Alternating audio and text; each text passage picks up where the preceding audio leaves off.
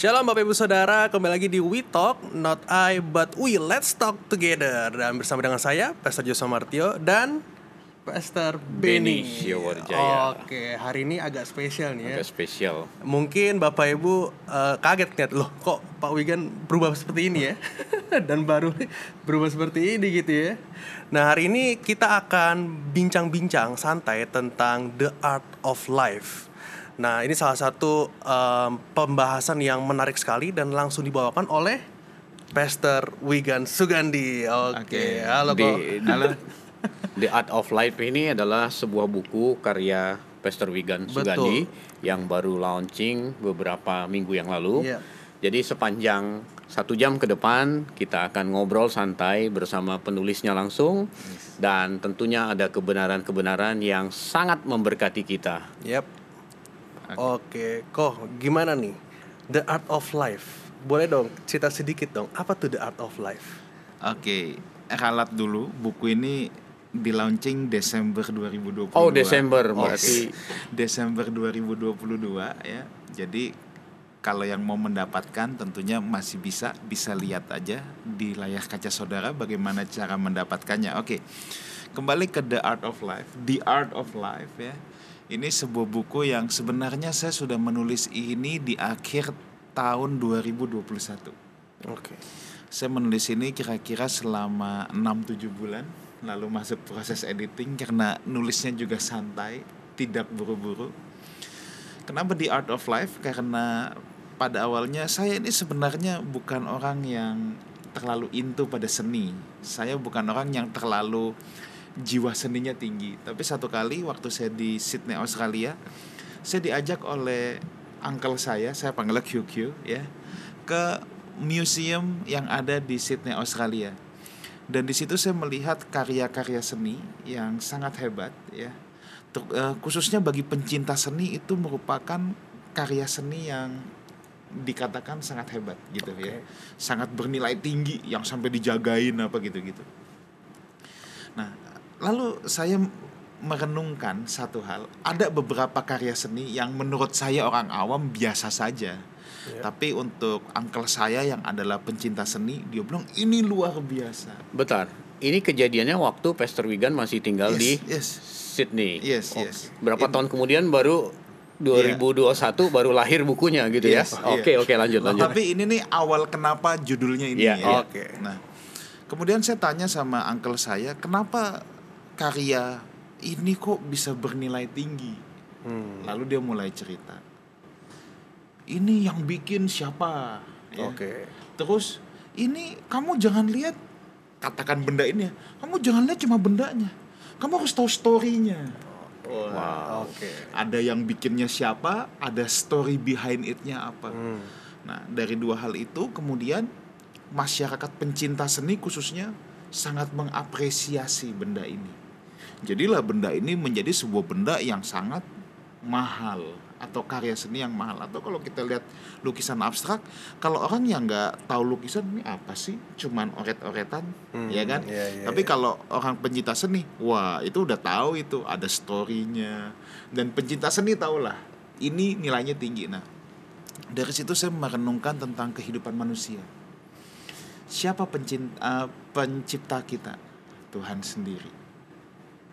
Sebuah karya seni kan bisa bernilai tinggi kalau memenuhi tiga unsur ini.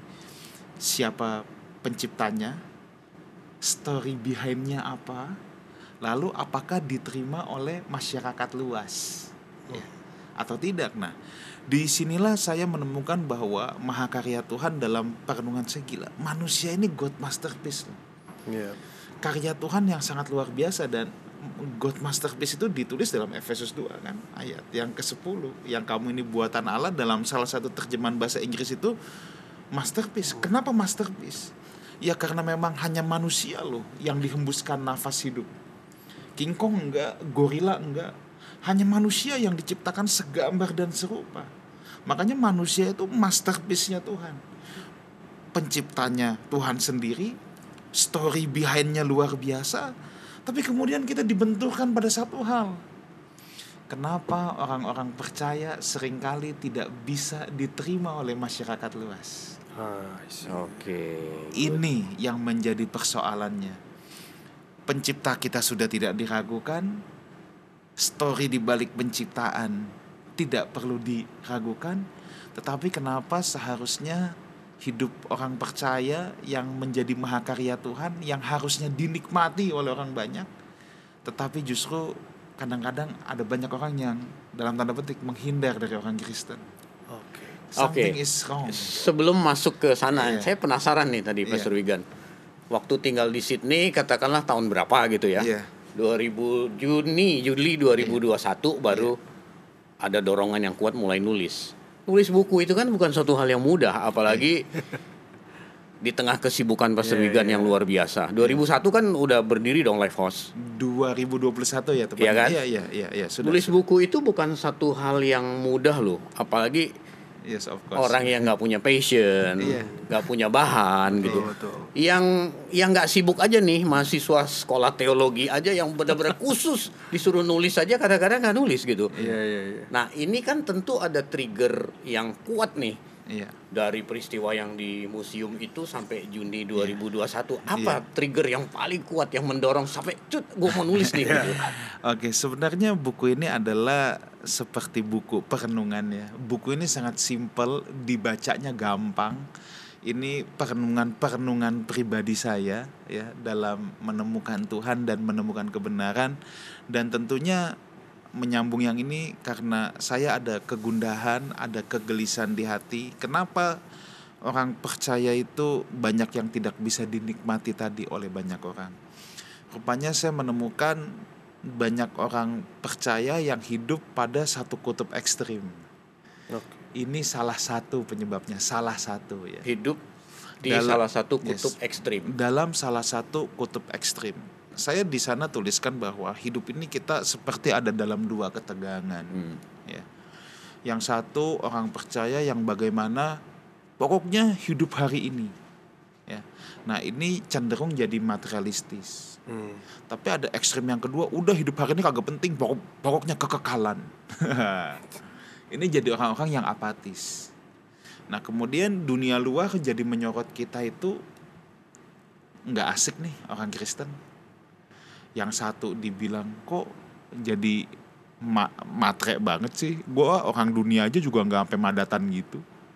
Tapi yang satu lagi bilang ah nggak real, ngomongnya ngawang-ngawang. Nah, karena kecenderungan manusia senang hidup dalam satu kutub ekstrim itu, dalam satu bab itu juga saya menuliskan tentang balance life. Ya, nah, orang yang hidup dalam satu kutub ekstrim pasti tidak akan bisa memiliki kehidupan yang balance. Padahal Alkitab berkata bahwa kita harus bertumbuh dalam segala hal ke arah Kristus. Kenapa kita naik mobil enak? Sebenarnya bukan soal mereknya doang. Bukan soal mereknya doang. Tapi yang bikin kita duduk bisa enak itu bannya, Bannya. bundar. Iya, iya. Mau mobil build up harga 10 miliar kalau bannya benjol-benjol itu pasti nggak enak. Iya. Nah, saya mengumpamakan orang percaya yang hidupnya tidak balance, senang menekankan pada satu kutub, senang menekankan pada satu hal, ya. Itu seperti ban benjol. Makanya mau mau tampilan luarnya se wow bagaimanapun pasti kagak enak. Gludak gluduk gludak gluduk gitu. Iya iya iya iya. iya. Nah di dalam salah satu tulisannya saya baca, Iya, iya. saya baca walaupun tidak detail saya baca, tapi Iya, saya ini menarik sekali saya baca dan saya baca terus sepanjang hari kemarin dan hari ini. Dalam satu tulisan tuh Pastor Wigan nulis gini, manusia itu harus berproses. Ya. Tentu untuk mencapai keserupaan dan kesegambaran yang utuh dengan diri Allah, manusia harus berproses.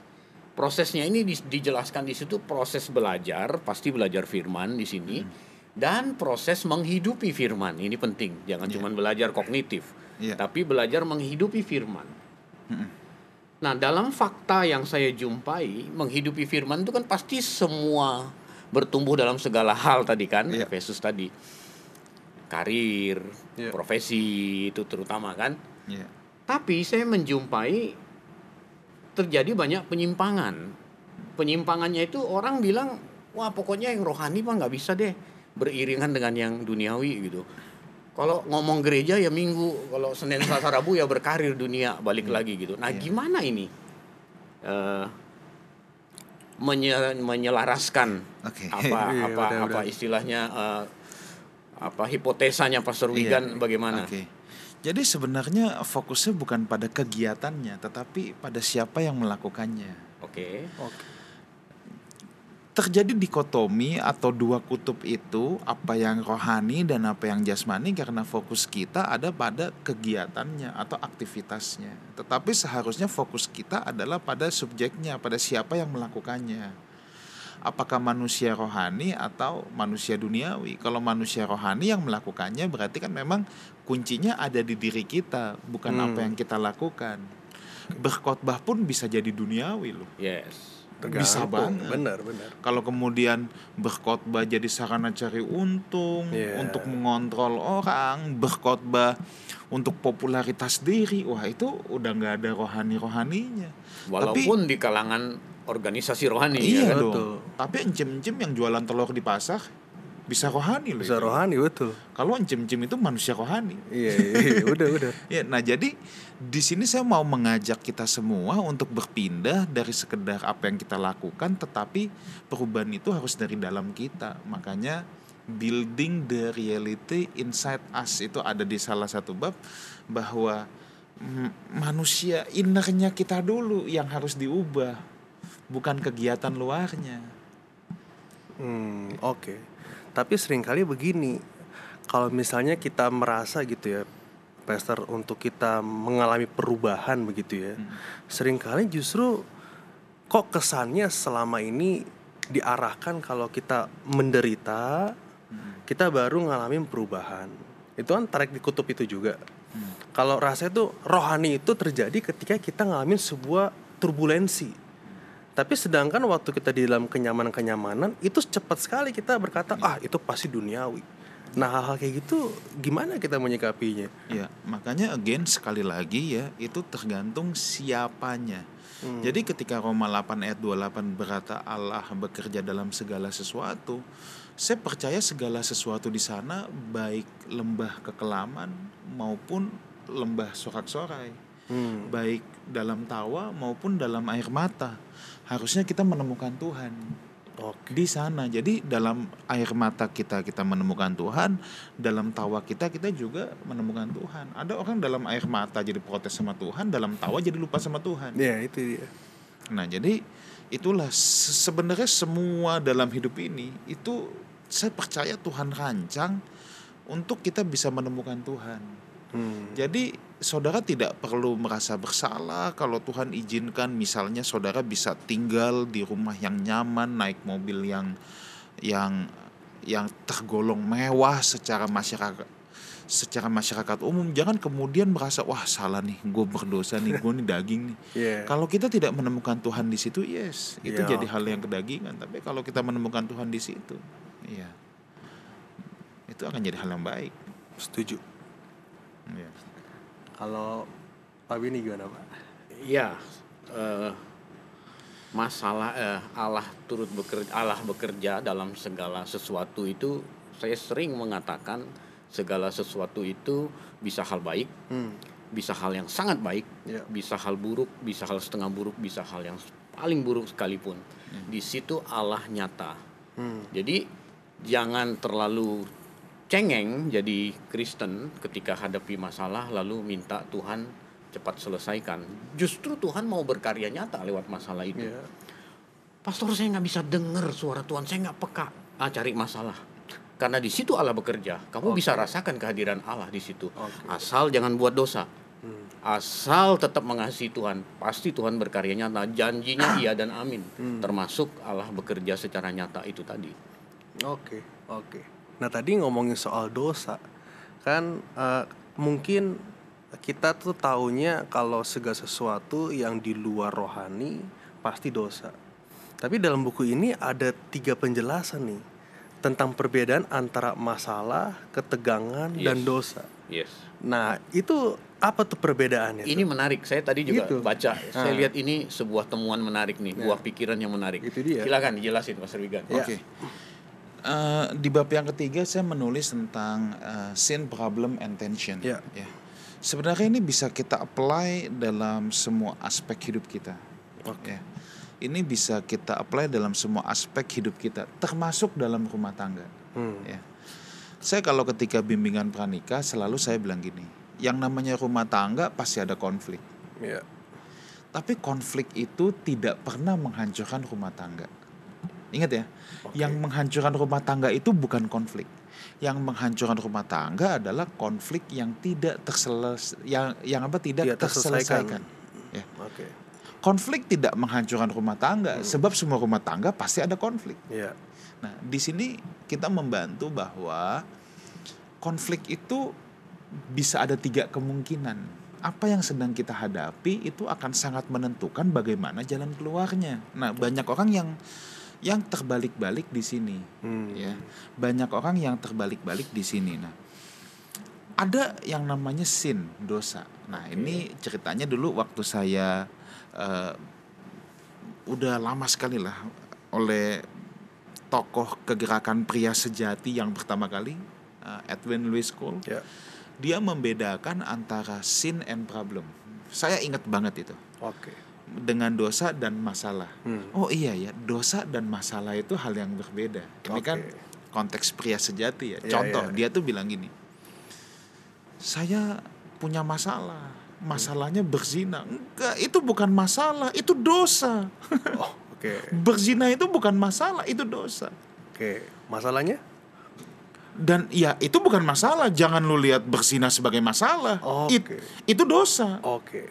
Nah banyak orang yang termix up. Kenapa Hmm. ini nggak boleh di mix up? Karena semuanya punya jalan keluar yang beda-beda. Hmm. dosa jalan keluarnya pertobatan. Udah titik. Pertobatan itu bukan pilihan.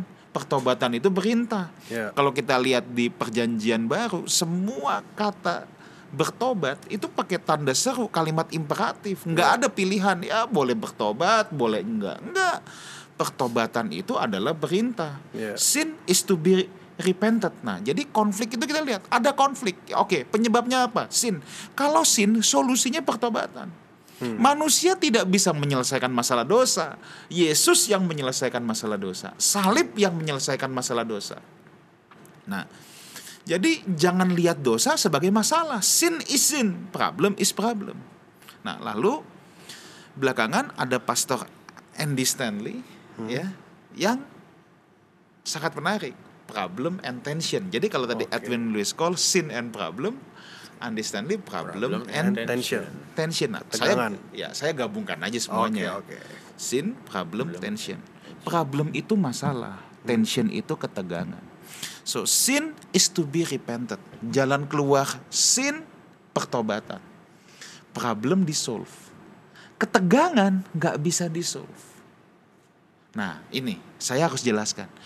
Banyak permasalahan dalam rumah tangga, dalam hubungan, dalam leadership sebenarnya bukan masalah, itu tension. Tension yang coba disolve itu bisa menimbulkan masalah baru.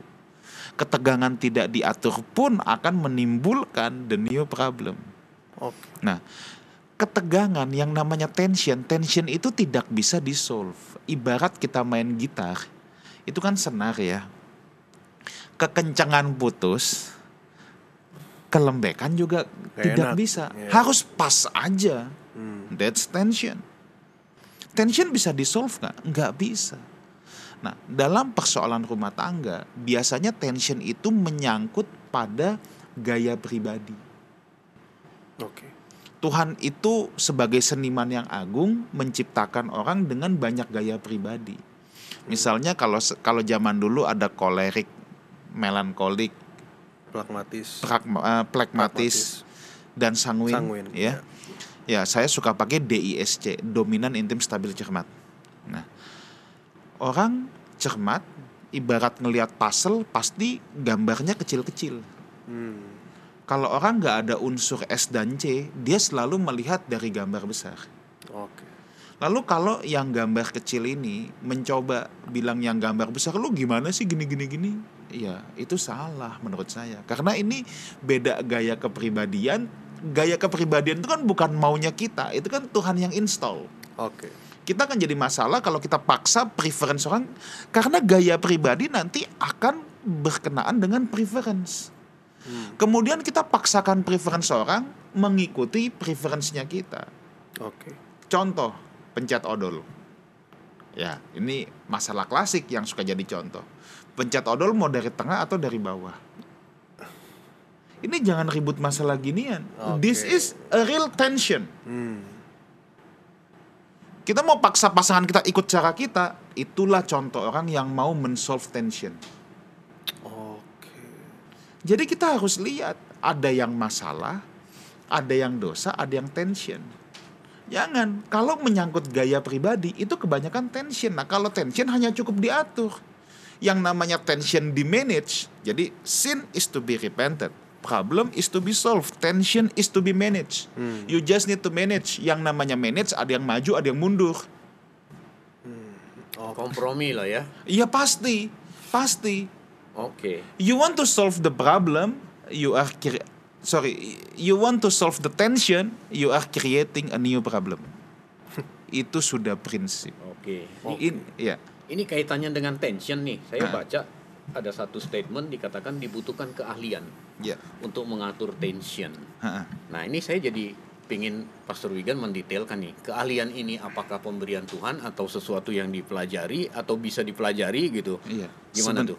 sebenarnya keahlian mengatur tension itu adalah kebersediaan kehilangan ego diri sendiri that's wow it keren ini.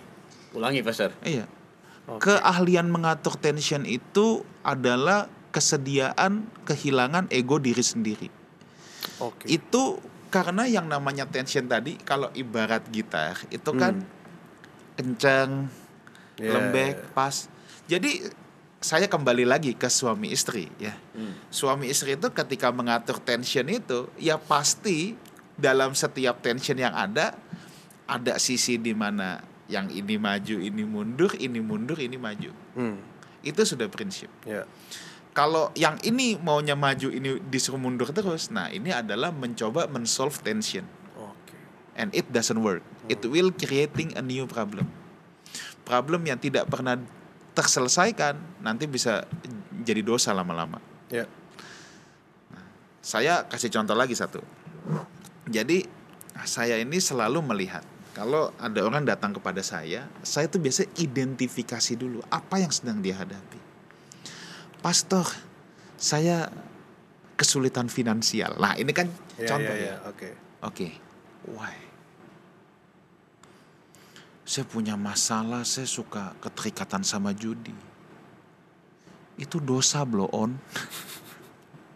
Harus bertobat dong. Oke, Oke, oke. Ini dosa. Oke. Tapi saya punya masalah. Apa? Finansial. Kenapa masalahnya? Income saya terlalu sedikit. Hmm. Oke, kita cek berapa income-nya. Ya, memang misalnya anak banyak income cuman berapa gitu ya. Ya, memang kurang. Ini problem. Oke. Hmm. So you have to solve, you need to create another income. Ya. Tapi bisa juga kan, saya kesulitan finansial, income cukup nggak? Cukup tuh kita lihat. Kok tetap str- struggling? Oh nggak taunya pengeluarannya yang tidak bisa dikontrol. Oke. Lihat apa aja mau, entar Hmm. istri gini. Ini kan ada tension yang perlu diatur. Nah jadi dalam setiap hal yang kita hadapi, kita harus identifikasi dulu apa yang kita hadapi karena tiga-tiganya itu punya solusi yang berbeda. Nah, nah terbanyak konflik suami istri yang saya temui, jujur, terbanyak itu masalah tension. Hmm. Tension yang coba dijadikan problem. Makanya itu jadi konflik yang tidak berujung. Kira-kira gitu. Oke, Oke. good, good. Keren. Keren banget. Keren banget. Tapi ada kalau penyesuaian seperti gitu ya kok ya. Hmm. Terus bagaimana jika misalnya salah satu mengatakan bahwa misalnya punya prinsip-prinsip yang yang benar begitu ya. Terus apakah itu jadi mengesankan kita sedang mengalahkan prinsip itu? Kan kita sedang mengatur nih, fleksibel ibarat kata. Nah, apakah itu akan nanti mengarah kepada akhirnya sorry mengorbankan prinsip atau apa Enggak, gitu? nah, makanya gini, hidup ini kan kita punya tiga tingkatan, asumsi, fakta, dan kebenaran. Asumsi, fakta dan Iya. kebenaran. Oke. Sekarang nih prinsip yang mana? Hmm. Yang tertinggi dalam hidup kita adalah kebenaran. Oke. Orang yang paling kasihan adalah orang yang bergerak berdasarkan asumsi. Iya, oke. Dia hanya asumsi. Iya, iya, semua juga ditafsir, semua juga diasumsikan. Hmm. Gerak sedikit, fakta. Gerak berdasarkan fakta. Lumayan dikit sini. Ah, oke. Tapi kita orang percaya mesti pindah dong. Bergerak berdasarkan kebenaran. Kebenaran. Kita tidak bisa cuman asumsi. Hmm. Oke. Fakta sedikit lebih baik. Tapi kita mesti berpindah ke kebenaran. Kalau prinsip yang menyangkut kebenaran, otoritas tertinggi dalam hidup kita firman Allah. Firman Tuhan. Oke. Itu jelas. Hmm. Selain itu, kalau tidak melanggar firman Tuhan, jangan pernah mengklaim ini yang paling benar. Sebab itu bisa ada kemungkinan itu Ada. masalah preference. Iya, iya, iya. Saya ambil lagi contoh yang tadi pencet odol. Ya, bisa aja kalau kamu enggak, ini nih masalah prinsip. Kita harus hemat gini gini gini. Oke. Jadi kalau lu pencet dari tengah ujungnya lu dosa karena lu pemborosan nah lu. Ini kan mau dibawa across the board yang terlalu jauh. Iya, iya, iya. Yang sebenarnya masalah preference disangkut-sangkutin sampai dibikin jadi dosa. Padahal enggak. Nah, jadi kita harus ngelihat dulu.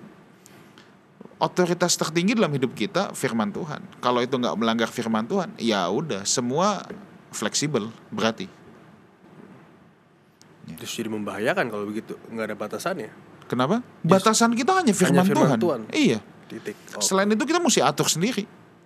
Lewat kecerdasan kita, lewat kedewasaan kita. Batasan kita cuma firman Tuhan kok.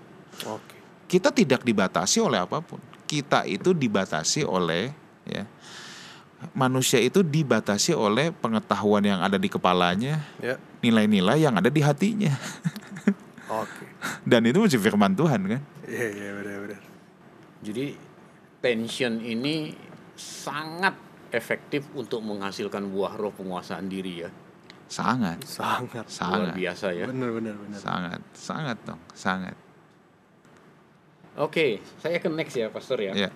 Saya sangat tertarik dengan tulisan Pastor yang saya kira tidak banyak orang tulis nih, atau sayanya yang kurang baca buku, saya nggak tahu nih. Tentang Tapi apa saya tuh? jumpai di sini pemimpin yang selalu mau bergerak sendiri dan mendominasi jemaat Tuhan katanya hanya dengan dirinya akan menciptakan sebuah atmosfer kultus individu. Hmm. Kemudian kultus individu ini bisa bahaya, bisa sampai kepada pelanggaran moral. Iya. Oke. Nah, yang saya ingin tahu nih, Pastor, Iya. waktu Pastor tulis ini, apakah ini berdasarkan survei atau kesimpulan subjektif atau fakta atau fenomena atau ada data ilmiah gitu, Pastor? Oke. Ini adalah prinsip Alkitab. Oke. Sebab Alkitab itu selalu menjelaskan tentang pelayanan tubuh. Oke.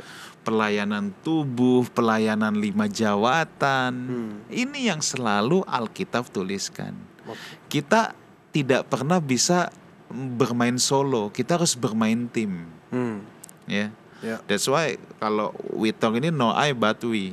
Karena Yeah. sendiri tidak akan bisa. Tidak ada satu orang pun yang punya lima jawatan. Oke. Yang punya lima jawatan itu hanya Yesus. Sehebat-hebatnya hamba Tuhan, I think dia mentok punya tiga jawatan. Paulus punya tiga jawatan. Hmm. Rasul, penginjil, guru. Udah titik. Oke. Dia bukan gembala, dia bukan nabi. Hmm. Ini kita bicara fungsi ya. Ya, ya. Nah, ada orang yang satu jawatan atau dua jawatan, tapi kita nggak ada yang lima. Nah, kalau kita merasa kita bisa kerjakan sendiri semuanya, itu hal yang paling berbahaya. Hamba Tuhan, kalau kehilangan hamba tinggal jadi Tuhan. Akhirnya kita playing God. Ya. Bahkan kita bisa merasa lebih Tuhan daripada Tuhan. Nah, kemudian kalau apa pun kita mau kerjakan sendiri, ya, lama-lama tanpa sadar itu proses brainwash pasti terjadi. Brainwash itu kan sesuatu yang diulang-ulang terus-menerus akan brainwash. Kalau misalnya input setiap hari yang masuk ke telinga saya hanya dari Pak Beni, Ya. ya. Misal saya hanya duduk dengerin Pak Beni. Dari hal yang saya tidak setuju, kalau saya dengar tiap hari, saya akan setuju pasti.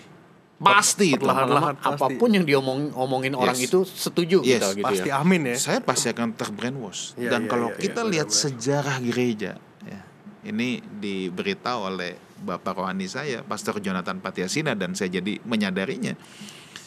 Oh iya benar, sejarah gereja udah mencatat di mana ada idolatry, di mana ada kultus individu, di sana ada adultery, Adultery. ada pelanggaran moral, ada persinahan. Dan waktu kita ngobrol sama Ibu Rita, Ya. dia juga bilang nah ini kan tanpa janjian nih dia tuh bilang di semua kuil penyembahan berhala ujungnya memang seks Iya. di mana ada Baal, Baal, di situ ada Asyera. ada Asyera Iya. itu udah satu paket Pelanggaran moral itu kan tidak hanya melulu bicara penyimpangan seks ya, Pastor ya. Iya Penyimpangan pengelolaan keuangan juga itu pelanggaran moral itu ya. bisa aja tapi yang dalam konteks ini yang kita bicara ya itu sudah pasti ujungnya pelanggaran moral seks Di juga bidang seks ya. iya Oke. itu semua sekte-sekte ujungnya penyimpangan seks Oke. Hmm. Itu sejarah gereja sudah mencatat memang. Iya. Semua tokoh-tokoh kultus individu ujungnya seks. Oke. Oke. Iya. Oke. Makanya idolatry dan adultery itu dekat sekali memang. Pastor tadi di pembukaan tuh Pastor ngomong gini. Ah, ada dua kutub. Materialistik dan kekekalan. Ada fenomena orang jadi tidak menikmati orang Kristen gitu. Iya. Kan kita mahakaryanya Tuhan. Mm-mm. Orang lain harus bisa menikmati. Ya. Tapi kenapa banyak orang lain tidak bisa menikmati orang Kristen? Oh ternyata dia ekstrim ke satu kutub gitu. Nah di dalam tulisan ini juga Pastor menyinggung bahwa surga itu bukan pelarian gitu. Memang pada faktanya saya mencermati, saya melihat orang yang jago ngomong. Ini nggak semua ya, tentu ini cuman eh, hipotesa ya. Orang yang jago ngomong surga atau jago berteologi itu kok kehidupan kehidupan nyatanya kok anjlok ya karirnya kok anjlok ya gitu Ya. Nah ini nih akhirnya surga dijadikan pelarian ini menarik ini harus di- dibahas nih Ya, Pastor Oke. Oke, sekarang saya kembali dulu ke pokok persoalannya dulu ya. Pokok persoalannya di sini menurut saya adalah bahwa kita tidak bisa melihat segala sesuatu secara lengkap. ya. oke kita tidak bisa melihat secara sesuatu secara lengkap. Kenapa ada orang yang tadi di awal bilang ini ekstrimnya materialisme banget. Hmm. Sampai ibaratnya kalau dengar khotbah cuman mau tentang berkat, katakan begitu ya. Nah, kita harus bisa menempatkan semuanya dalam koridor yang tepat. Nah, dalam buku ini saya sampai bahas satu bab khusus tentang berkat. Nah, saya akan menjelaskan singkat tentang berkat, nanti saya sambungkan dengan pertanyaan yang tadi berkat itu jangan dipandang sebagai hal yang negatif sebab dalam hipotesa saya di sini berkat itu bukan idenya manusia Pak Surwini Hmm. oke berkat itu idenya Tuhan Oke. sebab pertama kali ditulis di Alkitab itu kejadian 1 ayat 28 jadi Tuhan kasih tugas manusia maka Allah memberkati Memberkati. Ya. so berkat itu inisiatifnya Tuhan Ya. bukan idenya manusia Oke. berkat minta-minta berkat itu justru tidak alkitabiah memang karena berkat itu kagak perlu minta persoalannya apa yang sedang kita kerjakan? Kalau yang kita kerjakan adalah tugas Tuhan Tuhan pasti memperlengkapi kita dengan berkat. Makanya definisi saya tentang berkat adalah kemampuan ilahi yang Tuhan berikan untuk kita menjadi pelaksana kehendaknya. Udah titik. Hmm.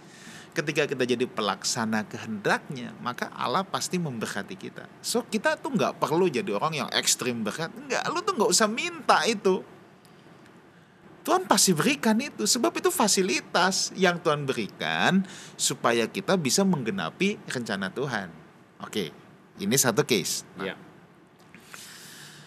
sekarang tentang surga. Ini ada taliannya dengan berkat.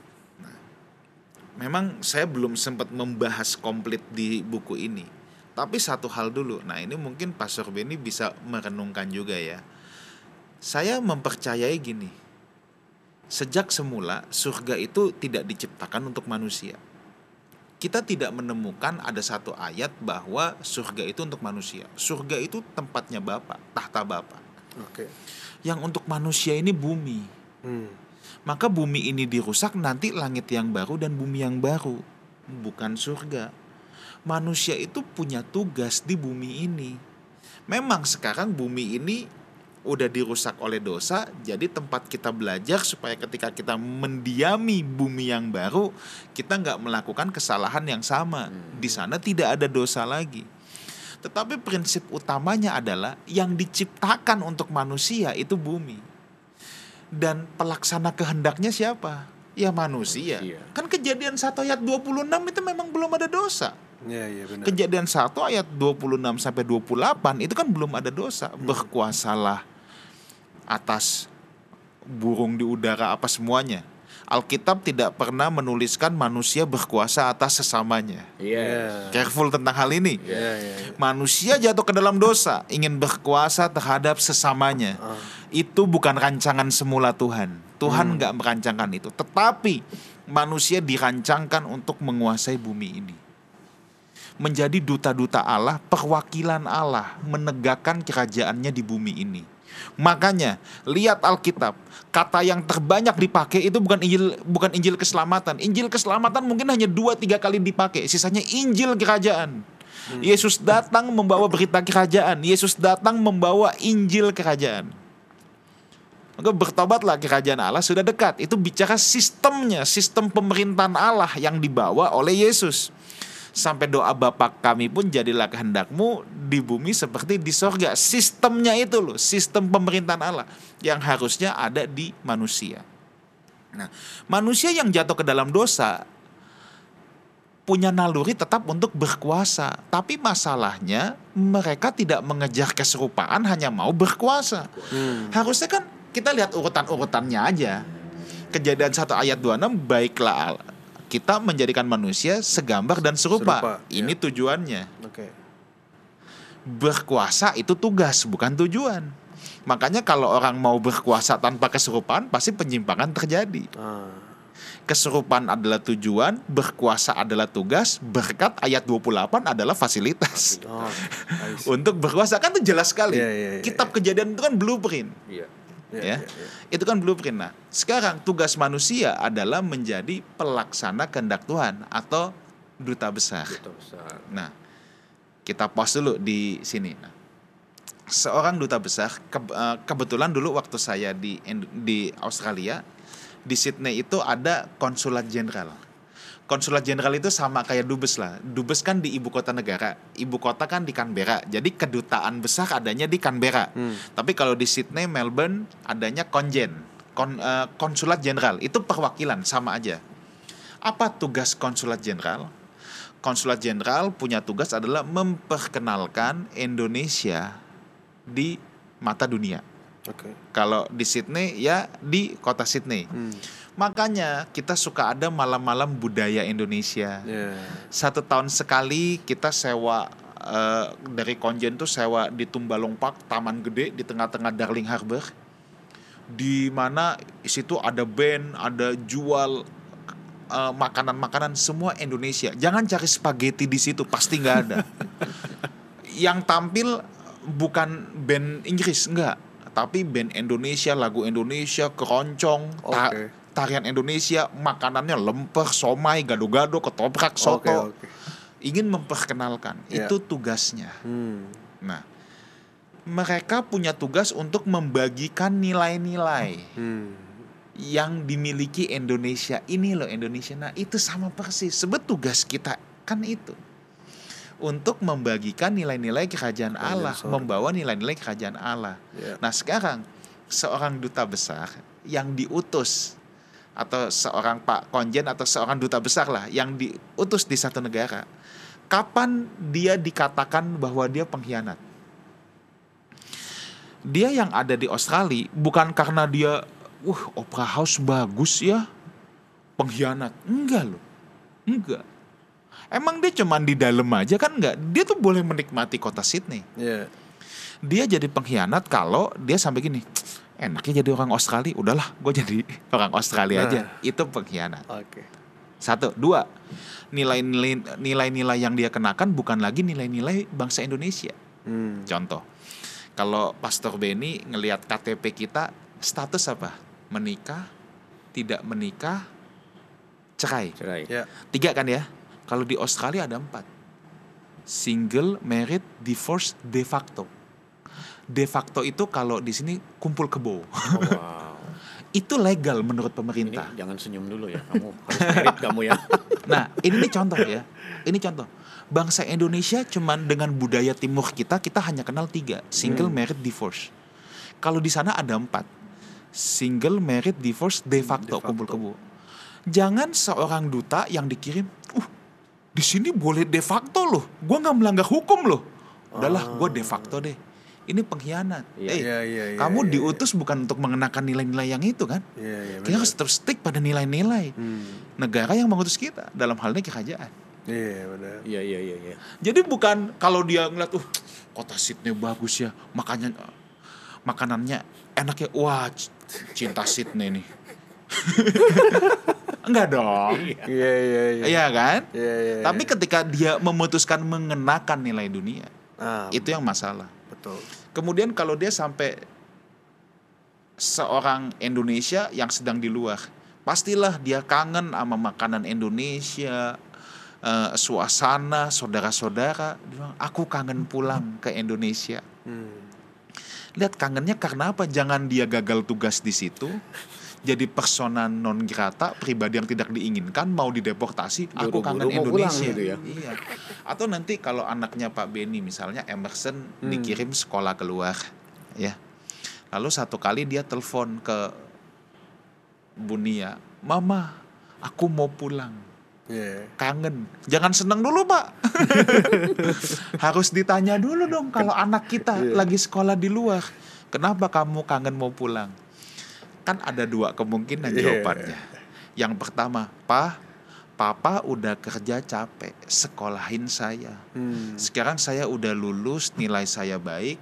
Sekarang saatnya Papa istirahat. Aku yang kerja buat Papa. Ah, top itu. Itu toh. Top. Iya. Tapi ada yang kedua, aku mau pulang. Kenapa? Susah semua fail. beda kan? Beda, beda. Judulnya sama-sama mau pulang, Pulang, kan? iya, iya.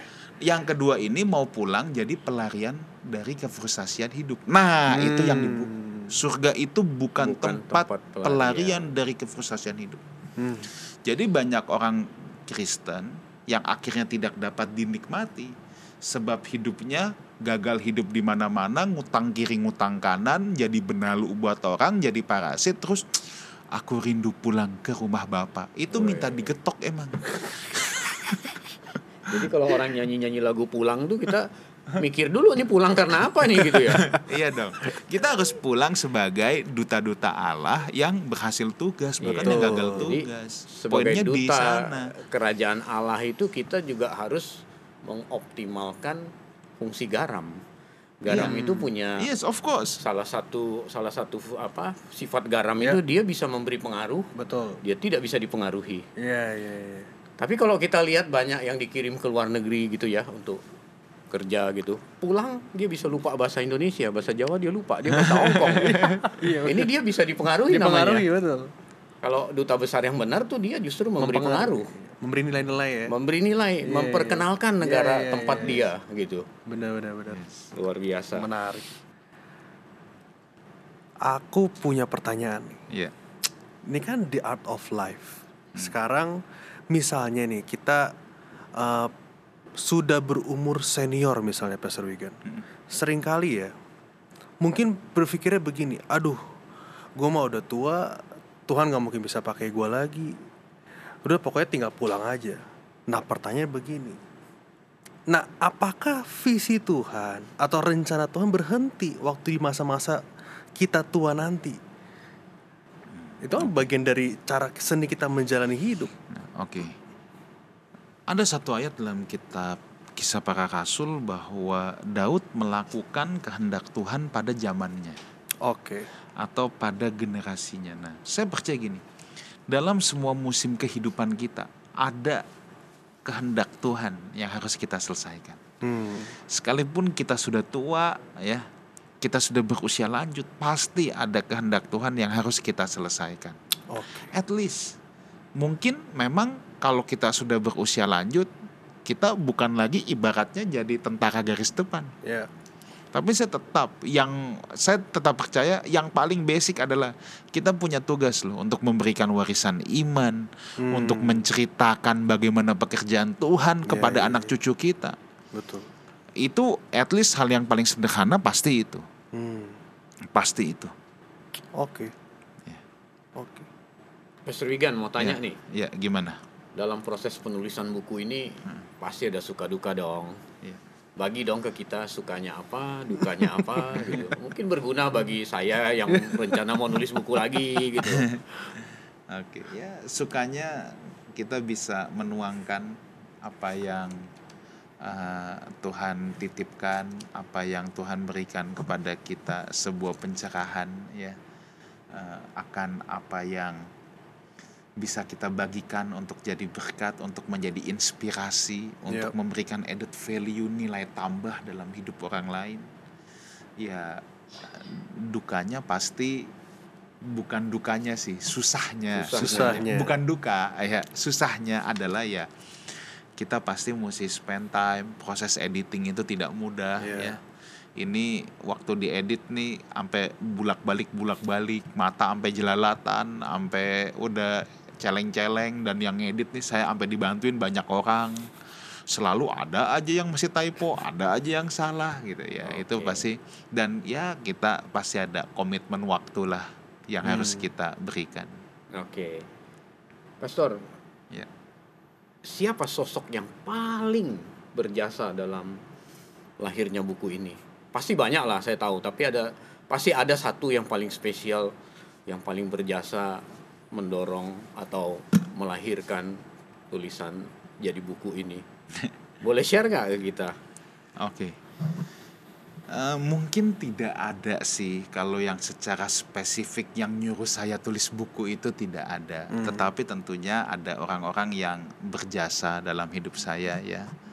Istri saya yang selalu menjadi teman terbaik, sahabat terbaik dalam keadaan suka maupun duka. Ada Bapak rohani saya, Pastor Jonathan Patiasina Ya. yang meletakkan dasar-dasar pemikiran sejak saya masih SMA. Ya, ada teman-teman pelayanan di tempat di mana Tuhan tanam saya sekarang untuk mengembalakan Life House Community. Itu semua pasti menjadi semangat, bahan bakar terbaik. Luar Wih, biasa. bahan bakar Buku terbaik. berikutnya The Art of Ministry ya. ya, kita belum tahu itu. Nah, ini kan begini, Pastor. Ya. Survei membuktikan Nah. minat baca orang Asia itu sangat rendah, Iya. termasuk Indonesia. Ya. Ya, itu survei. Jadi saya cuma mengutip dari survei. Iya. Buku ini saya sudah baca, walaupun tidak semua setiap halaman, Iya. tapi saya lihat ini luar biasa. Kalau dibaca secara konsentrasi dan eh, apa dengan pemahaman dengan pencerahan Roh Kudus ini bisa bikin orang berbalik Iya. Hmm. Oh, oh, oh, banyak O-nya. Ya. Buku ini bermanfaat Ya. dan ini mudah dicerna oleh Ya. eh, jemaat gitu, Ya. ya. Bukan bukan tulisan akademis yang jelimet gitu, Ya. yang ada bahasa asli lah. apa Ini lebih ke ngerti. buku perenungan lah. Ini buku Iya, iya. perenungan Iya. populer, buku populer dan yang saya percaya bisa merubah orang kalau orang Iya. berdoa sebelum baca buku ini. Sedang saya juga diberkati soal Ya. masalahnya. Iya. Nah, bagaimana Pastor Wigan memberi tip supaya setidaknya buku ini orang nggak nggak mikir ah ini sama aja dengan buku yang lain gitu. Gimana nih gitu supaya salah satunya kan talk show ini gitu Iya, Pastor iya. Wigan cerita-cerita, tapi ada adalah kalimat untuk membangkitkan gairah orang untuk mau baca Iya. gitu. Ya. Oke.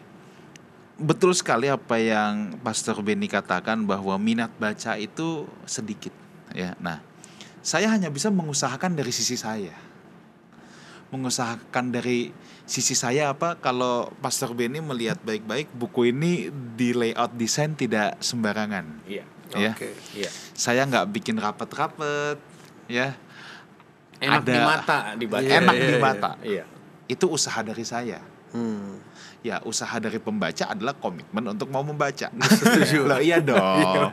saya kan bisa aja bikin buku dengan yang nggak ada desainnya tulisannya rapat-rapat Iya, wah iya, iya. orang baca uh mumet banget sih saya udah upayakan ya tentunya ini juga tidak mudah untuk mesti ada orang khusus desain grafis ini Hmm. yang untuk setup ini fontnya juga dipilih ini kan bukan sembarangan font fontnya Iya. juga dipilih supaya enak dibaca lalu kita juga ada e-booknya juga Oke. ya jadi kalau di Google Play Store itu kita ada e-book juga Oke. karena zaman sekarang ada yang senengnya pakai e-book. Iya. Digital ya, ya. itu juga saudara bisa dapatkan.